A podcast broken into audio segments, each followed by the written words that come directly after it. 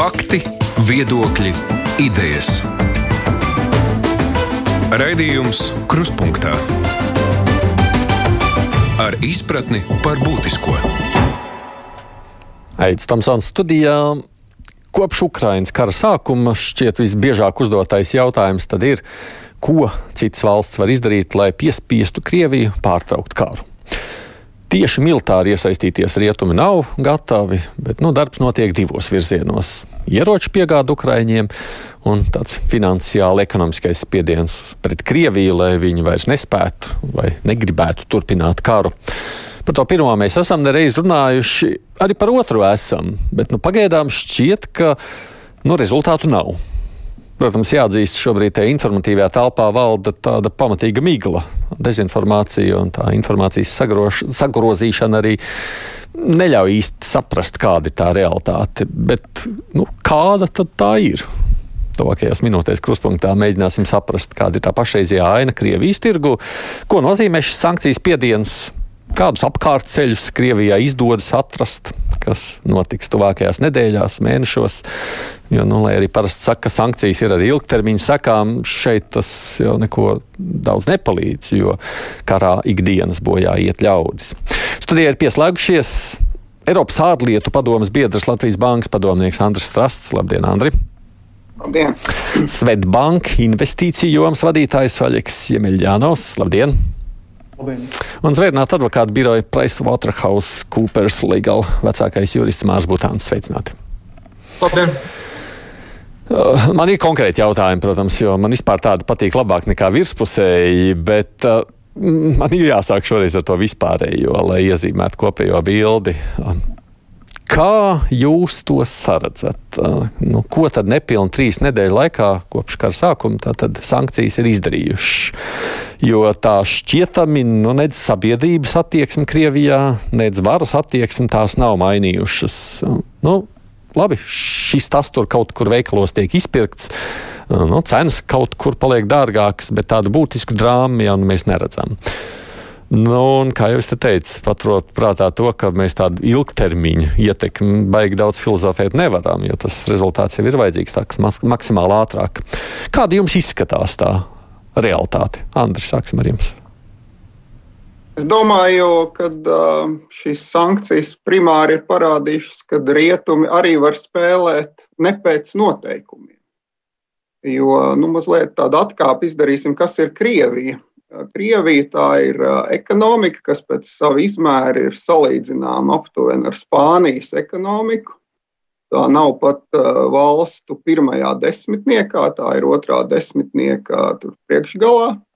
Bet, nu, pateicoties atomieročiem un dažādām nu, nepārāk veselīgām ambīcijām, tā mēģina spēlēt tajā līgā, kur nu, normāli spēlē pēc sava ekonomiskā izmēra ASV un Ķīna un varētu arī spēlēt Eiropas Savienība, ja tā darbotos kā, kā vienots vesels.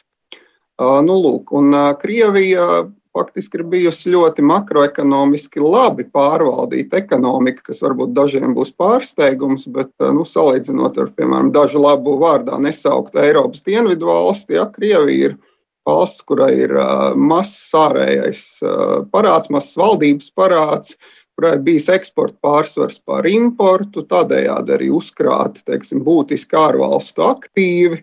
Laikam ejot, un Krievija vienkārši ir nu, šo savu teiksim, salīdzinoši mazo ekonomisko spēku kompensējusi ar tādu huligānu statusu, nu, spēlējot ne pēc noteikumiem laiku pa laikam. Un tagad vienkārši nu, rietumi ir arī parādījuši, ka rietumi arī var spēlēt. Tas, tas, tas nu, pirmais piemērs ir tās sankcijas uh, Krievijas centrālajai bankai. Mm -hmm. Nu, tā ir iesaldētie līdzekļi. Jā. Jā, kur uh, Krievijas centrālā banka bija uzkrājusi milzīgu rezervu apjomu, bet faktiski lielāko daļu no tā nespēja šobrīd lietot, piemēram, lai uh, lai aizstāvētu rubļa kursu. Bet tas būtiski, kā es tādu vēlreiz saku, man tādā vismaz virspusējā skatā skatoties, nekas jau tur būtiski pašā Krievijā mainījies nav. Nu, labi, nav rezerves, bet dzīve jau no tā tāpēc nav ļoti būtiska. Tā sniega bumba jau tikai sāk velties šobrīd. Par patieso ietekmi jau, piemēram, tām sankcijām, kas ir vairāk vērstas uz tādu ilgtermiņa piemēram, ražot vai, vai naftu iegūt spējas graušana vai mazināšana, tās jau tikai būs tā ietekme redzama pēc pusgada, gada, pēc diviem gadiem. Īstermiņā ar sankcijām, protams, apturēt kara darbību nu, īsti nav reāli. Kas nozīmē, pusgadu vai gadu būtībā nekā ļoti būtiski nemainīsies Krievijas ainavā? Ja vien, ja vien teiksim, rietumi neķersies klāt gāzes un naftas eksportam, ko viņi nevar atļauties. Tas dod ļoti būtiskus ieņēmumus Krievijai. Vai jūs abi pārējie dalībnieki varētu piekrist, iebilst, kā jūs redzat šo pašu ainu, Aļega? Nu, tiešām šeit varētu piekrist tam, ka īstermiņā diezgan vai kaut kas mainīsies. Tāda ziņa, ka nu, tīri psiholoģiski konflikts ir tāds pārāk uh, principiāls. Tā es to redzu šo situāciju, tas ir numur viens. Numur divi varētu zināmā mērā tīri taktiski, tu saproti arī, kā principā, nu, izmantota tā situācija pasaules ekonomikā. Principā mēs piedzīvojam tādu zināmā mērā tādu ļoti lielu piegādes ķēžu krīzi.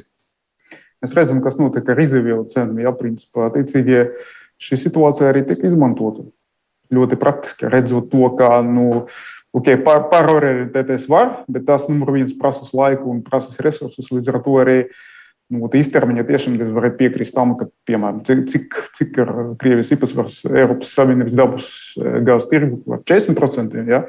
Un šeit mēs varam redzēt, ka ripojas valstis, kā ASV atsakās no Krievijas naftas un naftas produktu importa. Kāpēc? Tāpēc, ka šis imports veido kaut kur ap 8% ja, teiksim, no ASV naftas patēriņa nu, Eiropas Savienības valstis nu, lielākoties ne, neatsakās. Kāpēc neatsakās? Un tāpēc, ka tas veido jau 25% no Eiropas Savienības naftas eh, patēriņa. Līdz ar to arī nu, tāda tīri, tīri matemātiski, ja mēs varam to, šo loģiku ļoti labi saprast. Tā kā zināmā mērā šī situācija, kas notiek pat, pat labi pasaulē, tā, tā nu, nu, var piekrist, nu, izvēlēt krīzi zināmā mērā, ja? kas ir saistīta savukārt ar, ar to piegādes ķēžu krīzi ļoti lielu kura saka, starp citu, ir vēl pandēmijas laika. Vēl pandēmijas laika. Un pat pirms tam, principā, es uzskatu, personīgi to var saistīt pat vēl ar, ar Trumpu. Trumpa prezidentūras laiku sāka ieviest visāda veida tarifus pret Ķīnu un tā tālāk. Un, un šis jautājums par to, kas nu tad notiek ar globalizāciju. Ja? Un, nu, viņš pacēlās. Nu, galu galā tagad viss beidzas ar to militāro konfliktu. Es uzskatu, ka visas šīs divas lietas ir pilnībā savā starpā saistītas. Jā, bet... To arī, protams, runa par Ķīnu. Jā, tad, nu, jā es, es to, protams, konkrēti ejot cauri, bet jūs arī sakāt, nu, tuvākajā pusgada laikā, nu, kamēr tur tā sniega bumba velsies, tikmēr Krievijā ļoti slikta situācija pašiem nešķitīs. Nu, tu, Nē, nu, ne, es, es mm -hmm. neuzskatu, ka tur situācija ir slikta. Tas ir jautājums, kāpēc es saku, ka šis konflikts ir tāds principiāls, ka, ziniet, ka to var salīdzināt arī psiholoģiski ar to, ka viens cilvēkam ir tā atalgojums 3000 eiro mēnesī, bet viņš saka, ka viņam pietrūks naudas, ir pensionāri, kuras izdzīvo. Saņemot 300 eiro, jā, un kaut kā izdzīvo. Jā. Šeit ir tīri psiholoģiski jāuzsaka, ka okay, es, mēs varam, kura puse ir gatava ciest vairāk, ilgāk, principu dēļ. Jā, tas, ne, nu, ot, tas ir jautājums jā, tāds. Labi. Es pie tā arī aiziešu, protams, bet tas, kas man interesē, šobrīd skatoties nevis ilgtermiņā, es paņemšu šobrīd to jūsu pieminēto pusgadu gadu ilgtermiņš, jā. bet skatoties īstermiņā, nu Māri, kā jums izskatās jūsu skatu punktu? Jā, jā Aida, es, es nepārsteigšu arī klausītājus. Nu, faktiski jāpiekrīt arī iepriekš minētiem. Mēs šeit esam vienas prāts, ka no tā sekas par sekām mēs neuzzināsim tik ātri negatīvajām. Ir, Bet, jebkurā gadījumā, kur mēs viņus arī meklētu, arī, jo, jo mēdīji pa lielam no tā, viņiem nav iespējas sniegt mums patiesu objektīvu informāciju. Paši uzņēmumi, primāri, primāri kuriem, kuriem varētu ciest Krievijā, tie savukārt ir valsts kontrolēti. Ļoti, ļoti apšaubāms ir, ka viņi varētu sniegt objektīvu informāciju par savu situāciju par to, kā viņam tās visas finanses ražošanā un, un noiets vispār izvēršas pēc sankciju ietekmēnot. Ir. Tāpēc mums par tā informācija, mēs arī bū, dzīvosim savā ziņā tādā informācijas vakumā noteikti. Bet, nu, ja mēs paskatāmies pamatus ekonomikai un izpratni par to, kā valsts strādā, valstī ir saistības. Valstī ir saistības pret saviem iedzīvotājiem, pret savu ekonomiku arī to starp. Un, ja, ja Krievijai nav pieejama finanšu līdzekļi, tad kādā veidā šīs saistības var realizēties. Ir. Un, un visticamākais ir, ka, ka šī ietekme vis, vis, visvairāk, diemžēl, izjutīs paši iedzīvotāji un, un, un, un, to, un tiem pieejamie, pieejamie, pieejamie pakalpojumi, kurus faktiski jāfinansē valstī.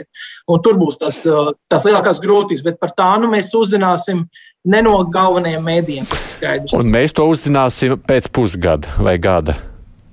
Es nevēlos izteikt prognozi, bet, bet ļoti loģiski tas izklausītos. Jā, jo tas jautājums ir tātad šajā brīdī, no tāda pusgada laikā ar ekonomisko spiedienu neko būtiski izdarīt uz Krievijas sabiedrības domu šķiet noteikti nevar, jā?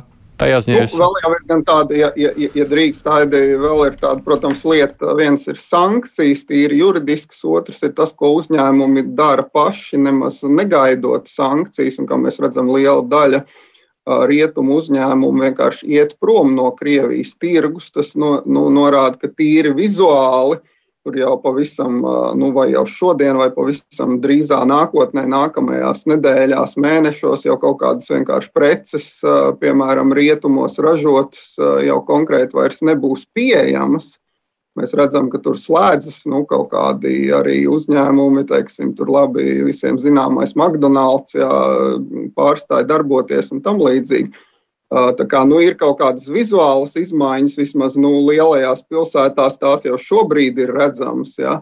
Un es domāju, arī nu, teiksim, kas varbūt tomēr vidusslāni interesē, ja tas ir nu, Krievijas rubļa kurs, ja, kas ir nu, ļoti būtiski nokrities. Un, protams, kas ir tāds jau nosacīts daļai kļuvis, jo Krievijas rublis vairs nu, nav gluži uzskatāms par brīvu konvertējumu.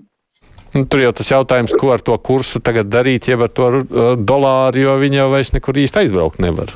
Tas jau nu gan arī jāatzīst. Ir. Labi, nu, es... nu, tas arī ir vēl viens jau uh, nu, vizuāls aspekts, jā, kad nu, izņemot tur Turciju laikam un vēl dažas vietas, nu, tā īsti jau vairs aizbraukt nekur nevar.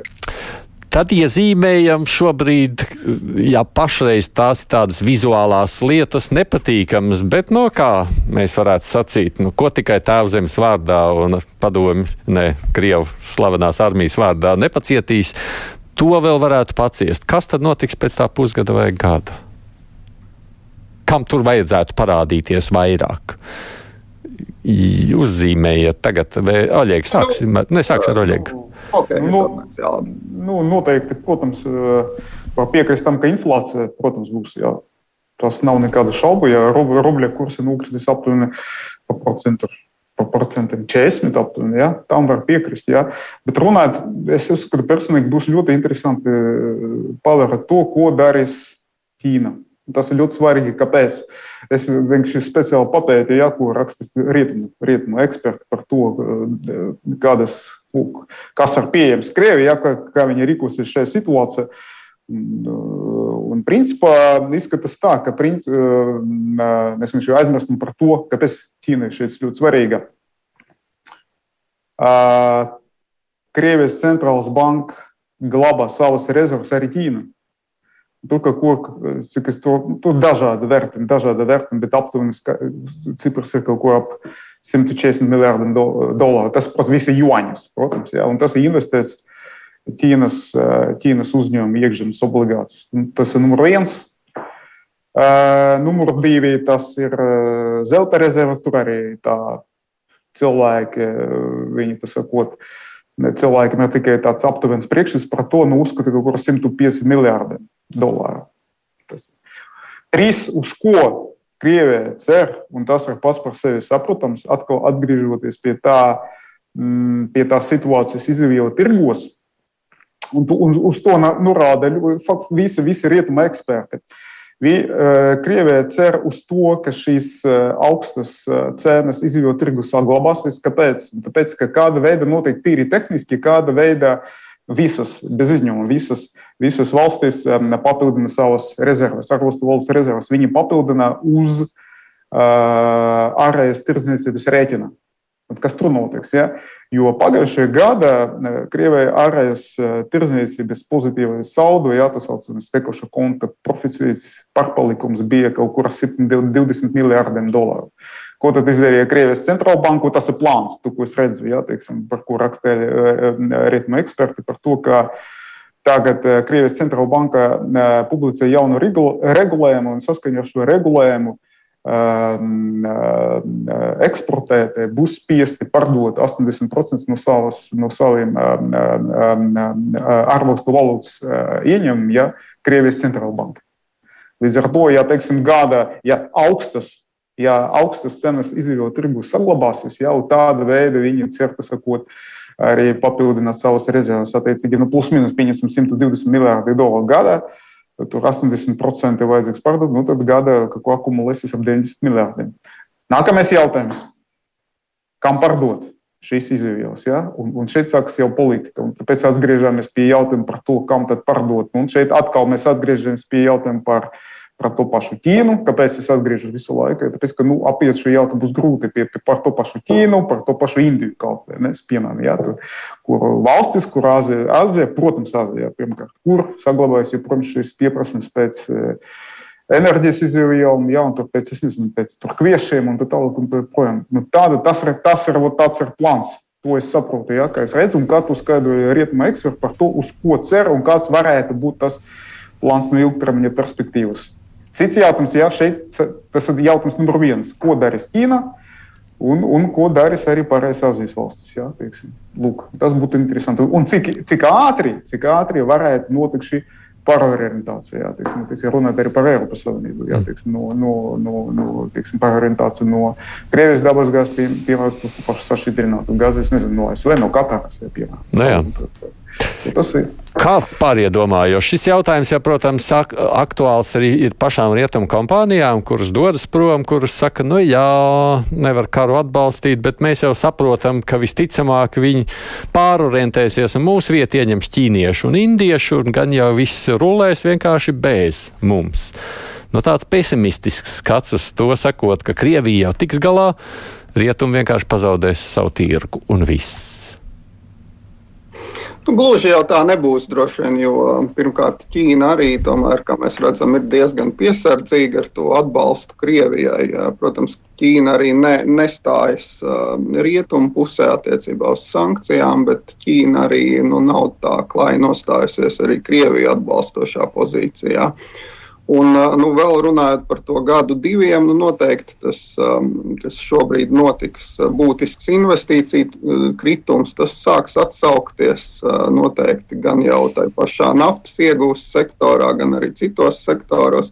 Tāpat ir dažādi komponenti, kas ir nepieciešami ražošanā. Tomēr, ir, kā mēs redzam, kaut kāda ražošana jau Krievijā ir. Nav jau tā, ka tur viss ir tikai nafta un gāze. Ja? Nu, Mēs arī redzam, ka tur teiksim, no visiem zināmā lāda aptur ražošanu, jā, komponentu trūkuma dēļ un tam līdzīgi. Jā. Tagad tās, tās problēmas, nu, Krieviju māks, jā, teiksim, lidmašīnas, kuras nevarēs vairs tikt apkoptas, rietumos ražotas lidmašīnas. Un, un kurām nepiegādās rezerves daļas, tas, tas, tas jau viss būs daļa no tās sniega bumbas, kas turpinās vēlties. Un, protams, kaut kādu uh, kaut kādu daļu iespējams varēs apiet caur Ķīnu, bet ne jau simtprocentīgi.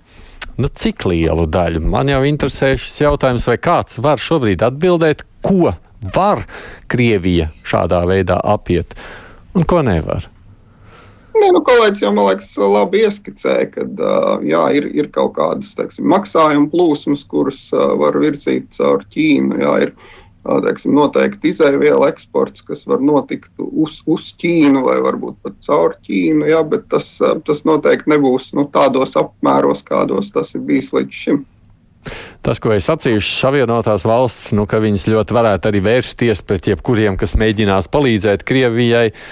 Māri, cik vispār šo var izdarīt tā, nu, ka nu, atrod tos ceļus, nu, vienalga huligānisks vai mazāk huligānisks, bet nu, tiek galā ar situāciju. Krievi jau ir, kā saka, izdomu pilni. Uh, jā, jā, attiecībā par, par starptautiskos tirdzniecības ierobežojumu, kas palielinām sankcijas arī ir, Uh, viņas ir bijušas jau, jau ļoti sen, un, un ir ļoti daudz piemēru, kuros kādos veidos ir apietas, tostarp arī kā uz, kā uz Ķīnu piemērotās sankcijas un ierobežojumi, kvotas, tarifi un tam līdzīgi, kādā veidā mēģina šo te apiet. Un, protams, viņš, tas vienmēr būs atkarīgs no divām komponentēm. Viens ir valsts, kas kā uzraugs ir, Un, un otrais ir, protams, pašu uzņēmēji, jo, jo pa lielam tie jau darījumi būs primāri būs starp uzņēmumiem. Un faktiski šo no sankciju sekas netik daudz būs atkarīgi no tā, cik, cik, cik, cik Krievijas ekonomika ir izturīga un cik varēs viņi noturēties, ir, bet arī tas, kā šīs sankcijas faktiski tiks piemērotas. Ir. Un tas, cik ļoti uz viņu ievērošanu faktiski veltīs resursus uzņēmumi, no, lai varētu izsekot līdzi, tiešām pārliecināties, ka viņu darījuma partners nav faktiski viens posms no šīs apiešanas ķēdes. Un te ir tas jautājums, cik ļoti skaidrs būs uzņēmumiem savu, savu pienākumu, savas iespējas un kas tiks dots arī viņiem, lai viņi to varētu identificēt un tādā veidā novērst šos apiešanas kanālus. Jo mēs nevaram ietekmēt citu valstu, valstu lēmumus par sankciju piemērošanu vai nē, ir, bet mēs noteikti varam palīdzēt uzņēmumiem, lai, lai tas tiktu ievērots pēc tā, ko valsts jau ir noteikusi. Jau. Un līdz ar to šī, šī, šī, šī faktiski prognoze būs ļoti atkarīgas uh, tieši faktiski no šiem uzņēmumiem ir, kur būs šajās ķēdēs un, un, un darījumos. Nu, tādās finanses lietās nu, atceramies stāsts par aizkrauklas banku un ne tikai, protams, nu, tad ir ASV bijis tas policists, kas tur ir pietiekoši sargājis, lai kādā brīdī raustītos. Nu, cik labs vai slikts policists un cik uzmanīgs, tas, protams, arī laikam ir strīdīgs jautājums. ASV... Jā, bet, Aidi, no. jā, bet, Aidi, bet, bet, bet, bet visi šie gadījumi jau pārsvarā atsaucās par notikumiem, kas, kas ir notikuši transakcijas, apējot sankcijas, vai kā ir, ir salīdzinoši nu, vēsturisks. Ir. Bet mums ir jautājums ir par dzīvajā laikā, dzīvajā laikā ieviestiem ierobežojumiem un reakciju dzīvajā laikā. Līdz ko kaut kas notiek, ir uzreiz ir jābūt iesaistēji. Un nevis pēc vairākiem gadiem lemt par to, vai finanšu institūcija ir pārkāpusi vai nē, Te ir faktiski dzīvajā laikā transakcijas notiek. Tas nu, ir svarīgi. Nu, tas lielā mērā ir jautājums par pašu rietumu valstu spēju gatavību pēc tam kontrolēt, vai tās sankcijas tiek īstenotas vai nē. Vai ne? Jo paļauties tā kā uz to, ka ķīnieši paši gribēs tur būt ļoti apzinīgi, man liekas, ir mm, maz ticams. Ne? Es tā domāju. Vārdu sakot, runājot par Ķīnu, tas jautājums ir šobrīd uh, neatbildēts pašlaik. Jā, cik cik un vai ko Ķīna darīs. Tā es saprotu, Aļeg.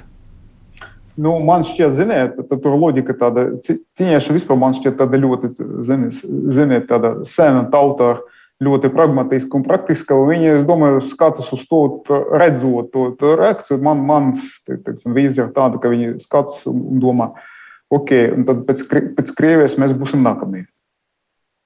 Es teiksim, es pilnībā līdz ar to Vislabāk mums vispār atrast, ziniet, ziniet kaut kur tādu, ieņemt tādu neitrālu pozīciju, attiecīgi, nu, lai abas puses savu starpā to arī cīnās. Mēs, esam, mēs risināsim savus problēmas. Nu, tas jau būtu labi. Zinot ķīniešus, es nebrīnīšos, ka principā, ot, nu, teiksim, principā, ot, viņam, viņam ir šāda pieeja. Teiksim, nu, proti, ja viņi ne, nepalīdz, neatbalsta, nedz norāda, nu, jā, jā, nu, izmanto situāciju. Tas var būt pat labi, situāciju. vai ne? Nu, Bet es domāju, jā, nu, kāda veida, attiecīgi, nu, kāda veida var ietekmēt Ķīnu, teiksim, nu, ieviešot, es, nu, vai nu rīkoties, ka Trumpam jau, piemēram, nu, jā, ok, jā, ieviešot visāda veida sankcijas, nu, ok, tas, tā, ko, ko tad vēl var izdarīt? Atcīm, tas, tas ir ļoti interesants jautājums, ko, ko darīt ar Ķīnu.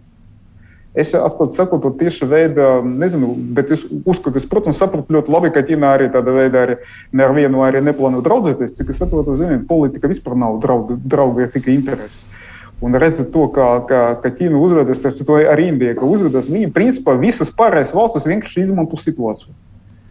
Un meklē kaut kādas, un tirgojas, un, un kalēs, un, un, un, un, un, un grib, kā lai saka, kā lai saka, uzturēt šo neitrālu statusu. Kāpēc? Nu, tāpēc, ka, tāpēc, ka tas ir izdevīgi. Ja? Vienmēr nu, kā, divas puses. Nē, nu šobrīd jau tas būtu izdevīgi, jo Krievijā, nu, pieņemsim, liela daļa investīciju dodas prom, paliek tukšs? Nauda Krievijai nu, vajadzīga. Jā, nu, kā jā, lai jā, neiet iekšā, tagad visur Ķīnas uzņēmumi būs tie, kas nu, darbosies piemēram, Krievijā. Jā, jā, jā. jā vai nē? Nu, tas ir piemēram. tas jautājums, vai ne? Jā, jā, jā. Vislabākais, jā, no, no ķīniešu puses, es domāju, tiešām izmantot situāciju. Viņi arī, esmu pārliecināts, viņi arī centīsies to darīt, bet tādā veidā, Ārēji tas izskatīsies, ka principā Ķīna ieņem tādu neitrālu pozīciju. Nu, principā, jā, attiecīgi neatbalstot nevienu pusi. Nu, visdrīzāk, visdrīzāk viņi īsteno šo, šādu politiku. Un no Ķīnas faktiski ir atkarīgs, cik liela tā sniega bumba būs, cik stipra viņa nu, vēlsies.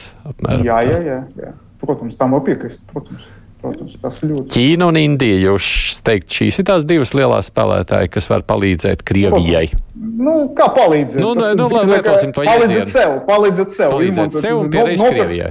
Nu, jā, jā, jā, izmantojot situāciju, protams. Jā. Nu, principā, redzot to pašu, kas nu, nu, ar to pašu Irānu, nu, tā ir objektīvi paskatīties. Nu, tad Irānai arī uzlikti sankcijas no SV. Nu, nu, Irāna arī kādam pārdot viņu to naftu, ja kaut kā neeksistē. Kā viņi pārdot, nu, nu tā paša Indija, piemēram. Ja? Izmantoju to situāciju. Indija ir, protams, nu, kā parasti nu, tāda. Šī pasaule arī darbojas. Tāda, jā, attiecīgi cilvēki, kas ir valstīs, valstis vienkārši meklē tādas kaut kādas alternatīvas. Ja, tā, tā, ja tas mums ir izdevīgi, mēs to darīsim. Jā. Nu, protams, arī visādi veidi. Mēs redzam, burtiski pēdējā laikā parādās, interesanti īstenībā tas nenotiek, notiek ne tikai Ķīnas vai, vai Indijas līmenī. Piemēram. Pēdējā laikā parādījās informācija, ka no Savienotas valstis diezgan aktīvi lobē Saudārābiju un uh, apvienotus Arabu Emirātus. Viņi vienkārši cenšas panākt to, lai šīs abas valstis nu, palielina naftas ieguvumu. Nu, jā, nafta tiec. Nu, un, un sākas, nu, nu, un ko tad pretēji saņem Savienības valsts? Pretēji viņi saņem, ok, tad mēs, Saudārābija saka, ka mēs, nu, principā Saudārābija tas nav izdevīgi. Saudārābija pati karo, ja, Jemene, ja. Attiecīgi, un viņa, principā, vēlas panākt to, lai arī Savienotas valsts piekāpjas jautājumā par, saka, ir, Irānas sankcijām. Savukārt ASV vēlas atslabināt sankcijas pret Irānu, tāpēc ka Irāna arī ļoti liela naftas eksportētāja valsts. Attiecīgi, tik, tik viss sarežģīti. Un, un, un, un šajā konflikta principā ir iesaistītas ļoti daudzas valstis. Ļoti daudzas valstis. Tas, ja mēs principā paskatīsimies šo situāciju, mēs varam paskatīties uz to, kā uzvedas Turcija. Nu, principā grib draudzīties ar visiem. Absolūti. Bez izņēmuma. Nu, principā, no, nu, ko, par ko tas liecina? Tas liecina par to pašu. Cenšas izmantot situāciju. Un, un, un principā, ja mēs sāksim domāt, tā, tā paplašinās Izrēlā arī turpat kaut kur atrodas, ja, un, un pa vidu, un tā tālāk, un tā joprojām. Un tieši, tiešām, ja paskatīties, šķiet, no vienas puses tur šajā konfliktā iesaistīta Ukraina, Krievija, nu, protams, Eiropas Savienība, ASV, Lielbritānija, pēc tam, ja tu sāki tas analizēt, tur parādās Ķīna, tur parādās Indija, tur parādās Irāna, tur parādās Izraēla, Saudārābija un tā tālāk. Un, principā, es, es personīgi uzskatu, ka tas vispār pasaules, pasaules lielākā sistēmiska krīze kopš augstā kara beigām. Lielākā sistēmiska krīze, ja? kas no, nu notiks tālāk ar pasauli, ar, glo, ar to pašu globalizāciju, ar piegādes ķēdēm un tā tālāk. Projām, to, šis jautājums ļoti dziļš. Viņš, Labi, uz, to, uz šo diskusiju jūs aicināšu nākošais. Pabeidzot tikai šo, šo tematisko sadaļu, dodoties uz priekšu. Uh, tas uh, ir skaidrs, ka Ķīna var piedāvāt to, ko tā var piedāvāt. Tā nav arī spējīga visu un visur, vai ne? Tāpēc jau tā globalizācija nozīmē, ka kaut kādas lietas, kas nāk no rietumiem, no acīm redzot, arī Ķīnai nav iespējas to dot un Indijai tādā pašā veidā droši vien. Un tas veids, kā savukārt, ja, lai es vienkārši vēlreiz saliktu tā punkts uz īpa par to, ko pārnājam, tas veids, vai pieņemsim kaut kādas lidmašīnas detaļas Ķīna iepērk no rietumiem, un tad savukārt Krieva no Ķīnas, kas ir sarežģītāks, lai tas tā nenotiktu, tur savukārt ir jābūt uzmanīgiem pašām rietumvalstīm. Ja? Tā?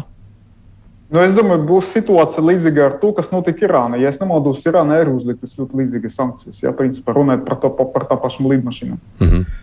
Nu, risinās šo problēmu, kā Irāna, ja, ja izdosies risināt. Nu, kāda veida, es, es, protams, detaļas visas nezinu, bet cik es saprotu, Irāna, ļoti, Irāna atrodas ļoti līdzīga situācija. Ja. Citi vārdi mēs varētu, varam pavērot to, kas notiek Irānā, ja, un paskatīties, kāda, kāda veida šī situācija varētu attīstīties arī Krievijā. Nu, plus, mīnus. Tur vēl ko piebilst pāriem diviem? Nav? Ir? Es vienkārši nu, atkal par tiem lielajiem apjomiem gribēju atgādināt, ka nu, Ķīna ir tas ir, ja mēs paskatāmies pret, uh, pret ASV un, uh, un, uh, un Rietumu, nu, ASV Eiropas Savienību kopumā, um, tad uh, nu, Ķīna varbūt ir kaut kāda nu, tā rūpņemot 40% jā, no, no tā. Un, uh, un līdz ar to nu, tas skaidrs, ka pilnā apmērā teiksim, uh, to aizstāt nevar. Ķīna ir, protams, nu, daudz lielāka, desmitreiz lielāka par Krieviju kā ekonomiska vienība, bet tā nav, protams, ne tuvu tik tik liela kā, kā ASV un Eiropas Savienība kopā. Un līdz ar to, protams, tik daudz kā teiksim, pārdot rietumos, arī nu, vienā Ķīnā pārdot nevarēs. Mm. Labi, liekot to aiz auss. Atgādinu tikai klausītājiem, ka mēs šeit šodien sarunā trim raidījuma viesiem, jeb dalībniekiem, runājot par situāciju ap Krieviju. Andris Strasts ir Eiropas ārlietu padomas biedrs, Latvijas bankas padomnieks, Aļiks Jemeļjanovs, Svetbanka investīciju jomas vadītājs un Mārs Butāns zvērnāt advokātu biroja PricewaterhouseCoopers, legāla vecākais jurists. Raidījums Krustpunktā. Gribu jautāt savukārt par otru tematu, ne tikai otru, vienu vēl vienu aspektu, kas parādās. Tas ir jautājums par iespējamo Krievijas tehnisko defaultu. Vispirms izskaidrojiet mazliet, tomēr man tādā cilvēciskākā valodā, par ko ir runa. Māri, mēģiniet man varbūt.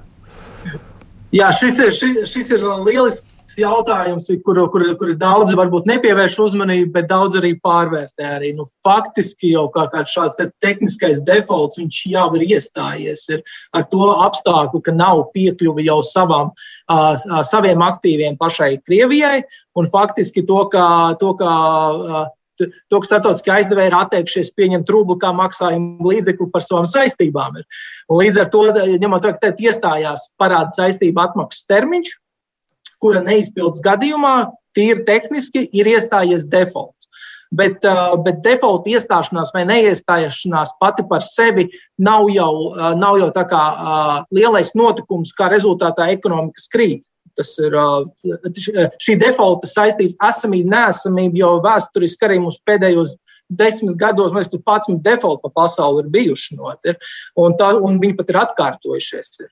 Un līdz ar to tas nenozīmē tagad pilnīgi krahu. Ir, bet vienlaikus pēdējais default, pēdējā defaulta ietekme Krievijā 98. gadā nu, rezultējās arī to starp arī varas maiņā. Arī.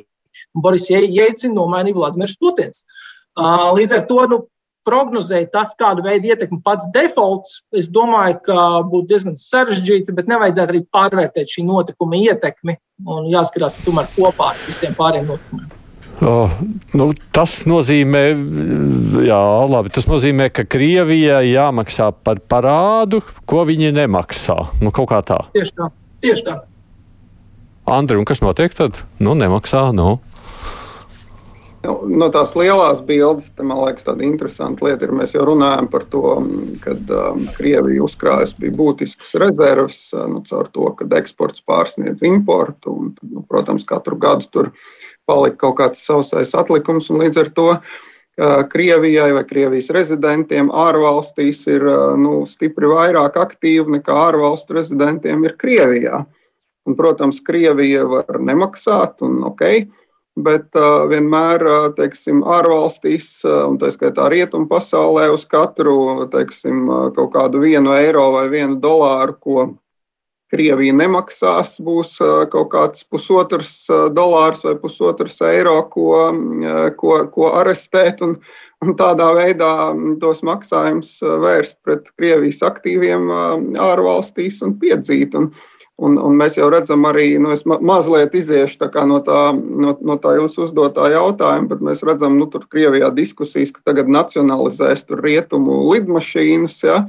Bet nu, atkal uz, uz, uz katru vienu vienību, ko nacionalizēs Krievijā, teiksim, rietumiem ir kaut kāda pusotra vienība, ko, ko nacionalizēt rietumos. Līdz ar to šajā spēlē uh, Te ir tāds paradoks, ka caur to, ka Krievija bija salīdzinoši labi makroekonomiski pārvaldīta un, un bija ar ārējās, un ir joprojām ar ārējās tirdzniecības pārpalikumu, principā tā ir vairāk ko zaudēt ārvalstīs, nekā ārvalstniekiem ir ko zaudēt Krievijā.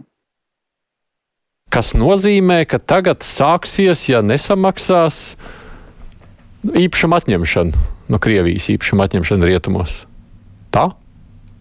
Nē, nu, tur jau jāskatās konkrēts, nu, tur noteikti Mārcis var, var labāk komentēt, jāskatās jau konkrēts e, e, e, emitents. Ja nav jau tā, ka, teiksim, Krievijas valsts nemaksā, un tad pēkšņi kaut kādam tur Krievijas uzņēmējiem kaut ko tāpēc atņem. Ja, nu, tā jau īsti arī tas nestrādā. Bet, nu, tāpēc, pēc, pēc būtības. Pēc būtības. Jā, nu, to piedziņu jau pēc tam var vērst. Taču, pret, nu, tas ir līdzīgi kā mums te, piemēram, jā, nu, tajā brīdī mums ir kaudze, pieņemsim, Latvijā ar alimentu nemaksātājiem. Viņi dzīvo labi, bet viņi kā nekas viņiem nav, un viņiem neko nevar atņemt, vai ne? Bet viņi dzīvo labi. Bet jā, no šajā Krievijā ir. Krievijā ir ko atņemt. nu, labi, Māri, kā tas, ko tas nozīmē? Izstāstiet. Tas nozīmē ņemtu kaut ko kam nost. Jā, tur tā lieta ir, ka es, es nedomāju, ka rietumu valstis varētu uzdrīkstēties pārkāpt faktiski privātu personu uzņēmumu tiesības uz savu īpašumu. Un tāda veida solis faktiski jau būtu pret tiesiskumu, pret likumu, jau, kur tik ļoti arī rietumu valstis cenšas aizsargāt kā attīstības vispār pamatu savai darbībai un, un, un sabiedriskai ticībai pret valdību. Ir. Un šajā gadījumā līdz ar to noteikti par privātpersonām nē, un te būtu jārunā drīzāk par, par Krievijas valdības aktīvu esamību ārvalstīs. Ir. Un attiecībā uz tādiem jau attiecīgi piemērotos, ja attiecīgi starptautiskie regulējumi un viņu savstarpējās vienošanās. Un es domāju, ka tur pārkāpumi, ja no rietumu valstīm būtu, ko Krievijas federācija visu laiku saka, ka Rietumvalsts pārkāpj nepārtraukt starptautiskos līgumus. Es domāju, ka arī šeit noteikti būs diskusija par to, ka ja gadījumā Rietumvalstis sāks ieturēt faktiski šos maksājumus no esošajiem ārvalstīs esošajiem Krievijas federācijas aktīviem, ir, tad noteikti būs pārmetumi par to, ka tas nav tiesiski. Ir, bet es domāju, ka šajā gadījumā viņi neapdraudēs vismaz pašu pamatu, pamatu proti valstī esošais tiesiskums un uz ko var sagaidīt arī uzņēmumi, tostarp arī Krievijas, Krievijas uzņēmēji, kas atrodas ārvalstīs, ka viņu īpašums tomēr tiks aizsargāts tādā ziņā, ka netiks viņš nacionalizēts. Ir, viņš var būt tik aizskavēts, aizturēts, bet ne nacionalizēts. Es nedomāju, ka tas ir tas, tas uh, virziens, kurā varētu iet. Bet te ir divas jautājumu precizēšanai. Kas ir Krievijas aktīvi? Kriev, Krievijas federācijai piedarošie aktīvi. Nu, kas tie tādi būtu? Nu, kāds, piemēram, nu, nu, ir, tās jā. pašas rezerves. Pacakot, tas pat, tie paši iesaldētie 300 miljardi. Arī centrālās bankas aktīvi, protams. Jā. Jā. Pats, tie paši 300 iesaldētie miljardi pirmkārt jau, jā? Ja? Nu, jā, jā, jā, jā. Protams. Ko varētu vienkārši šādā veidā savākt, ja vajadzētu. Un kas notiek ar to, ja, un jā, mēs, jā, jūs pieminētais Krievijas drauds nacionalizēt rietumu īpašumus, savukārt, ja pirms atstāja Krieviju, kā tad tur ir atbildi iespējama? Jā, te pavisam cita, cita jau nosacījuma Ja Rietumvalsts ļoti uztrauktos par to, ka varētu pārkāpt šo paļāvību, kā ir tiesības uz savu īpašumu, ja tad no Krievijas sagaidīt to, ka tiks ievērot esošā lietu kārtība, proti par to, ka investīcija, investīcija aizsardzība tiek veikta šajā valstī. Krievijas federācijā, nu, tas jau ir diskutablāks jautājums par to, cik tālu ies, lai pārkāptu šīs tiesības uz īpašumu uzņēmējiem, nevis valstīm. Un Nu, labi, bet ko var atbildēt? E, es man, var jau būt, ka es alojos, bet man šķiet, ka Krievija šādā veidā mēģinot iebaidīt, viņiem nedaudz izdodas iebaidīt. Tad tās rietumu firmas sāk apdomāt, ir vērts iet prom vai nē, visu pazaudējot. Es domāju, tas, um, tas atkal ir par to spēli pēc, pēc noteikumiem vai, vai nu, ne pēc noteikumiem. Un, uh, es, protams, lielā mērā piekrītu Mārim, bet es pieņemu, ka, ja nu Krievija arī, arī tajā nu, attiecībā uz privāto investoru īpašumu sāks spēlēt nu, galīgi ne pēc noteikumiem, tad varētu arī rietumi um, sākt tomēr uh, tos noteikumus uh, mainīt. Un, uh, te ir tāda vēl viena interesanta iezīme, nu, ko mēs drusku jau redzam arī attiecībā nu, saistībā ar sankcijām. Uh, Krievija ir tāda interesanta valsts pēc sava labklājības sadalījuma. Krievijā pēc nu, tādu, tādu normālo sadalījumu rietumos nav pārāk daudz miljonāru, bet tur ir abnormāli daudz miljardieru. Nu, tur ir vismaz kaut kāds divas ar pus reizes vairāk miljardieru pēc skaita nekā normāli pēc Krievijas ekonomikas apjoma vajadzētu būt. Un tas arī atkal Krievijas nu, atkal privāto uh, kapitālu, kas, protams, arī ir nu, daudz vietā noparkots kaut kur ārvalstīs, arī par, padara ļoti ievainojamu. Nu, tādā situācijā, kur ja jau Krievija nespēlē pēc noteikumiem, nu, tad arī rietumi var izvēlēties nespēlēt pēc noteikumiem. Vai rietumi to spētu vai nespētu, grūti spriest. Kādas Aļek, tam visam varētu būt sekas tālāk Krievijai, ja sākās šī parāda nemaksāšana, nacionalizācija un tā tālāk? Vai, ziniet, tas ir laiks, kad principā atkal runājot par noteikumu, principā jau grūti saprast, kur kas tie par notiekumu, kur viņi ir. Ja? Kas tie ir? Tas ir ļoti liels pārmaiņas. Tāpēc arī saku, ka tas tiešām pasaules lielākā sistēmiska krīze, kā, kāda veida izskatīsies šis gala rezultāts, pat labi ļoti grūti paredzēt. Man, kā, kā, kādi būs šis spēles noteikumi? Tiešām es neņemu spriest. Tas ir ārkārtīgi grūti. Man šķiet, atklāti sakot, pat neviens nezina. Jo tik daudz, nu, burtiski, kurš tad varēja paredzēt pirms trim nedēļām? Jā, pirms trim ne, nedēļām ka tiks iesaldētas Krievijas centrālās bankas rezerves. Un kas notiks vēl pēc trim nedēļām? Piemēram, ja? ārkārtīgi grūti paredzēt. Līdz ar to es tiešām neņemu spriedumu. Man šķiet, tiešām tas ir ļoti liels tāds jūku laiks, kad, ziniet, kad, kad ja es nemaldos, atvainojos, tagad mūsdienās neviens. Uh, Leņņņins nav tas saka, populārs, jā, bet uh, viņam ļoti liela tāda interesanta frāze, ka viņš teica, ka ir tādi ir, tādi, ir tādi, tādas desmit gadus, kad nekad, ne, nekas nenotiek. Un ir, ir, ir tādas nedēļas, kad kas notiek, notiek tas, kas notiek zinu, vairāku desmitgažu laikā. Ja? Ot, piemēram, mēs pārdzīvojam šo laiku tieši. Burtiski trīs nedēļu laikā ja? šī pasaule ir zināmā mērā nu, tāds priekšstats par to, kas notiek pasaulē, kā tas izskatās un, un kā tas izskatās. Viņš ir nu, diezgan, diezgan būtiski mainījies. Līdz ar nu, to šis arguments. Vai tad mēs varam sagaidīt pirms trim nedēļām, burtiski? Mēs apspriežam šo tēmu šodien, 16. marta, piemēram, pirms 16. februāra. Nu, jā. bet, bet pieņemsim tas, kas skan nu, tādās, nu, pieņemsim politiķu mutēs sakot, nu, ja jūs nacionalizēsiet, tad vai nemaksāsiet parādu, nu, tad uzticēšanās jums būs sagrauta uz gadiem un uz gadu desmitiem. Vai, es, Tas es, vairs neko neizsaka šodien. Ja? Es domāju, ka par uzticēšanos jau neviens nedomā. Tad tāpat neviens vairs neusticās, vai ne? Nu, jā, jā, jā, arī tā varētu teikt. Jā, jā. Nu, man, man, manai vecmāmiņai, ja es drīkstu lieta ar joku, bija tāds labs princips, kad kaut kāds notika kautiņš pagalmā, tad viņi vienmēr nu, prasīja, kurš pirmais sāka. jā. Nu, jā, jā. Un, un šeit, man liekas, nu, ir skaidrs, kurš, kurš sāka, ja, sāka šo Krieviju. Jā, un, Un, un man liekas, nu, pēc tā mēs arī varam vadīties. Jā, vienkārši ja līdz šim nu, Krievijai tas vienmēr ir izdevies, kā es teicu, spēlēt ne pēc noteikumiem un tādējādi gūt sev kaut kādu labumu. Nu, tad pēdējo nedēļu notikumi rāda, ka nu, tomēr tā gatavība arī rietumos spēlēt ne pēc iepriekš uh, pieņemtajiem noteikumiem ir daudz, daudz lielāka.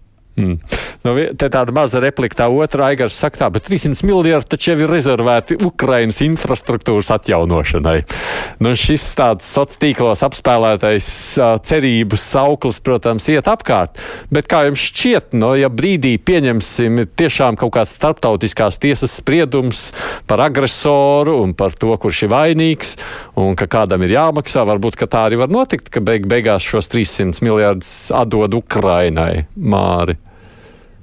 Jā, saistībā par startautiskiem spriedumiem ir vienmēr jautājums, kurš viņus izpildīs un kā viņi tiks realizēti. Pat ja, pat, ja nolēmtu nepieciešamību kompensēt, kā tas tiktu panākts. Un tas, diemžēl, tas, tas, tas, diemžēl, nav tik vienkārši, jo katra valsts ir suverēna un viņa faktiski, faktiski neviena valsts nedrīkstētu ne tikai norādīt citai valstī, kas būtu jādara, bet, protams, arī iebrukt nevajadzētu. Arī. Uh, līdz ar to tā kā, tā kā šo, šo maksājumu disciplīnu vai maksājumu pienākumu izpildi, nu, diezin vai, diezin vai Krievija tikai balstoties uz spriedumu to darīt, ņemot vērā, ka ir neskaitāms spriedumu cilvēktiesību uh, tiesā, kur faktiski nav realizēta, nav izpildīta no Krievijas puses. Jā, bet nu, šajā reizē tā nauda jau, tā kā saka, jau ir jau ar, nu, arestēta jau. Nu, nu, nu, tikai jāsavāc un jādod. Jā, un tas ir attiecības starptautiskās. Tas ir tas ir svarīgi. Nu, jā. Nu, jā, bet es tādā ziņā saku, tāda perspektīva taču varētu pastāvēt. Es domāju, tur, kāpēc, kāpēc, ir, kāpēc varētu rietumu valstis uz, uztraukties un, un to atkal šeit mēs atgriežamies pie jautājuma par Ķīnu. Tad, ko tad darīs Ķīna ar savam rezervu? Un? Attiecīgi, ja, ja tas ir precedents, ja, attiecīgi, ja precedents, attiecīgi, ja tas ir, ja tas ir izdarīts vienu reizi, tas uh -huh. varētu tikt izdarīts arī otru reizi. Attiecīgi, ok, tad mums vajadzētu padomāt, ko tad darīs ar Ķīnu, ja es nemaldu, cik viņam pāri vienam triljonam, jā, piemēram. Ja. Uh -huh. Sakam, tur tur tik daudz nianšu. Jā, līdz ar to es tieši es piekrītu tam, ka nu, juristi viedokļi, ka tomēr es neesmu jurists, jā, es nevaru spriest, bet ka, nu, tur sākas, sākas jā, būs jādomā arī par sekām. Jā, līdz ar to arī, protams, domās. Tad šeit atkal mēs atgriežamies pie jautājuma par Ķīnu. Vēlreiz, jā. Līdz ar to arī šajā konfliktā tiešām iesaistīts arī, arī, arī citas valstis. Jā, Andri. Jā, es vienkārši gribēju repliku, ka nu Ķīnas rezerves ir vēl, vēl lielākas, kaut kādas 3, 3 triljoni. Jā. Bet tur jau tā problēma ir nu, līdzīga, ka tā jau ir tā aizdevēja problēma. Jā, jūs esat aizdevis kādam 3 triljonus, jā, kā Ķīna šī gadījumā, tad tā ir jūsu problēma, nevis aizņēmēja problēma. Līdz ar to, manuprāt, nu, tā ciniski skatoties, mazliet caur joku, ja, bet es domāju, Ķīna arī ļoti skatās šīs sankcijas pret Krievijas centrālo banku un, un domā, kas varētu notikt teiksim, nu, līdzīgā situācijā ar Ķīnu. Un, ja, piemēram, ASV izlēma iesaldēt Ķīnas centrālās bankas rezerves, kas lielā mērā ir izvietotas um, ASV parādzīmē. Nu jā, labi, tur dziļāk neiesim šajā tematikā iekšā. Uh, vēl vienu aspektu, ko es tomēr gribēju atlikušajās dažās minūtēs pieminēt, uh, komisārs Borels izteicās, ka nu jau Eiropa ir sasniegusi savu nu, maksimumu, ko Eiropas Savienība vispār var izdarīt spiedienā pret Krieviju. Jūsuprāt, tā tiešām ir? Vairs neko. Nu, jau če, mēs redzam, tāda četru sankciju paketes diezgan straujā tempā. Viss. Visu, ko varējām, to Krievijai nogriezām, ko varējām, to atņēmām. Nu, ko spējām. Protams, par naftu un gāzi mēs jau pieminējām. Vairāk neko nevaram. Jūsu versija. Nu, es gribētu būt nokomentēt vispārīgi, not, bet es nekad par Eiropas Savienību runājot, nekad nevarētu teikt, ka viņai ir, viņai ir griezt. Eiropas Savienība ir attīstījusies atbilstoši izaicinājumiem, kāda eksistē starptautiski.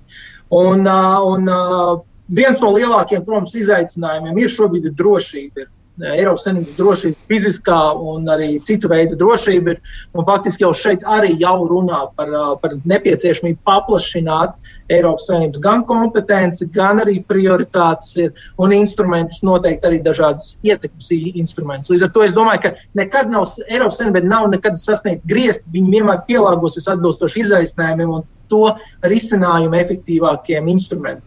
Līdz ar to es nepiekrītu apgalvojumam, ja noteikti ir un noteikti būs citi instrumenti. Es to jautāju, tāpēc, ka tas mazliet izklausās man pretrunīgi dzirdot, ko Borels saka, un tad savukārt Polijas premjera aicinājums, nu, klau, nogriežam jebkāda veida visas rezerves, visus darījumus ar Krieviju iesaldējam, ne tikai šos.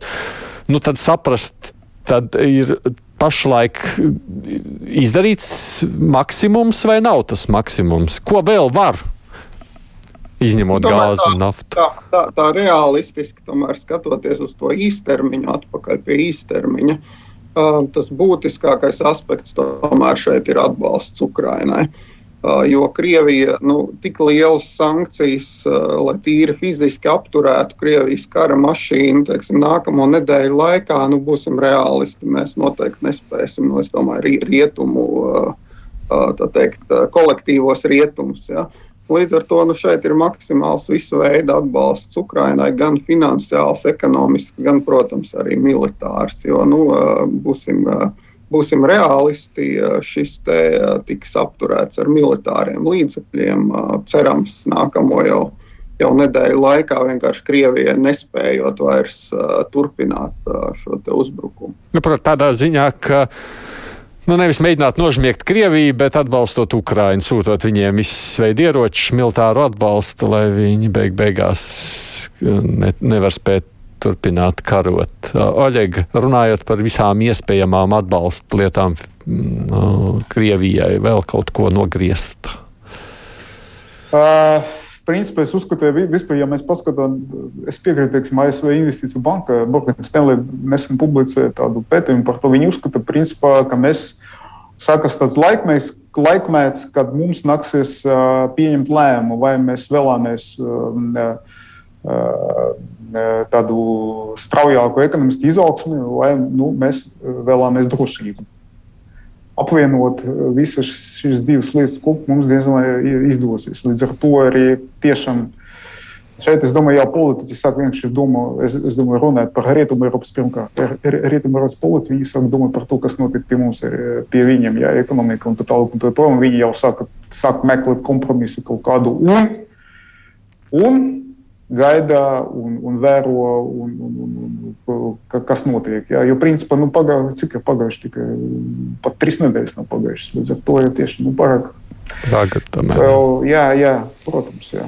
Nu, labi, sankcijas ir apusgriezīgas zobens, un ir skaidrs, ka te jautājums, kuram pirmām varētu aptrūkties izturība vai rietumiem vai Krievijai, tas arī ir, protams, vēl no tās, par ko nevarētu galīgi aizmirst. Mēģinot salikt kopā to visu uz I, mēs redzēsim nākošā, nu tagad pusgada gada laikā, tātad cenu kāpumu, nu pa kādu trešdaļu jūs prognozējat tā inflācija, jā, tā kā tur rādās apmēram Krievijā. Krievijā vai? Krievijā, Krievijā, Krievijā šobrīd pa Krieviju runāju teiksim, tā tīri valūtas kursa kritums jau viens pret viens neatspoguļojas nekad uh, cenu līmenī, varbūt teiksim, pat trešdaļu tas varbūt ir drusku daudz, jā. pārspīlēts, jā, bet nu, tas noteikti ir kaut kāds liels, diezgan divciparu skaitlis. Nezinu, nu, grūti saukt 20%, nu kaut kas droši vien mm -hmm. plus mīnus. Tā varētu, jā. Ar citu bija precedents tam burtiski pēdējā gada laikā, ja mēs paskatīsimies, kas notika ar Turcijas liru Tur, tur eh, tāda paradoxāla situācija. Mēs paskatīsimies, kāds bija Krievijas rubļa kurs pret līru teiksim, eh, tieši aptuveni pirms gada, un, un tagad tur nekas nav mainījies. Tad mēs varam paskatīties, kas notiek Turcijā. Un ar inflāciju Turcijā, principā, arī, eh, tur arī valūtas kurs arī kritīs. Principā, nu, tagad mēs to pašu gandrīz plus mīnus varam sagaidīt Krievijā. Nu, tad es domāju, tas ir ļoti labs mm -hmm. Nu, tad otra lieta, protams, kaut kādas preces no plauktiem pazudīs, kaut ko mēģinās aizvietot, jā. kaut kādas darba vietas slēgsies, jā, no tādā ziņā nu, lietot jēdzienu turbulence, kas tagad ir modē avio satiksmēs, um, tā to varētu nosaukt, vai tomēr vajadzētu kaut ko smagāku? Ja, nu šis tā būtiska krīze ekonomikā, būtisks kritums ekonomikā. Jā, nu tā turbulence jau ir šobrīd, nu tālāk jau būs tāda lejupējoša līkne. Un, uh, es domāju, tas, uh, tas sliktākais no Krievijas skatu punkta šobrīd ir tas, nu, mēs redzam, tās pēdējās krīzes, kādas mums ir bijušas, nu, tomēr tur ir tāds vēburts, nu, tā lielā mērā. Ja, tur strauji nokrīt, un pēc tam, nu, varbūt ne tikpat strauji, bet nu, diezgan strauji tomēr atkal uzkāpja apakaļ. Nu, Šobrīd Krievijā es tiešām vairāk redzu tādu elburtu, ja, kur nu, teiksim, būs kaut kāds pietiekami būtisks kritums, bet nu, bez tādām īsti izredzēm strauji pēc tam atkopties. Mm -hmm. Jāpiebilst tikai sarunas beigās, mēs jau par šo visu runājam, protams, ka hipotētiski, tāpēc, ka galu galā nezinām, kas mainīsies tīri politiski, tīri militāri, tīri vienkārši jā, neprognozējama notikuma attīstības rezultātā. Tāpēc nu, pie tā arī paliekam. Prognozes vienmēr ir nepateicīga lieta. Kā to saka daži gudri cilvēki. Mārs Butāns ir zvērnāta advokāta biroja PricewaterhouseCoopers Legal vecākais jurists, Svetbanka investīciju jomas vadītājs Vaļekas Emiljanovs un Latvijas bankas padomnieks, Eiropas ārlietu padomas biedrs Andris Strasts. Paldies jums par pievienošanos raidījumam. Producēja kruspunktā ir Junām studijā Aits Tomsons.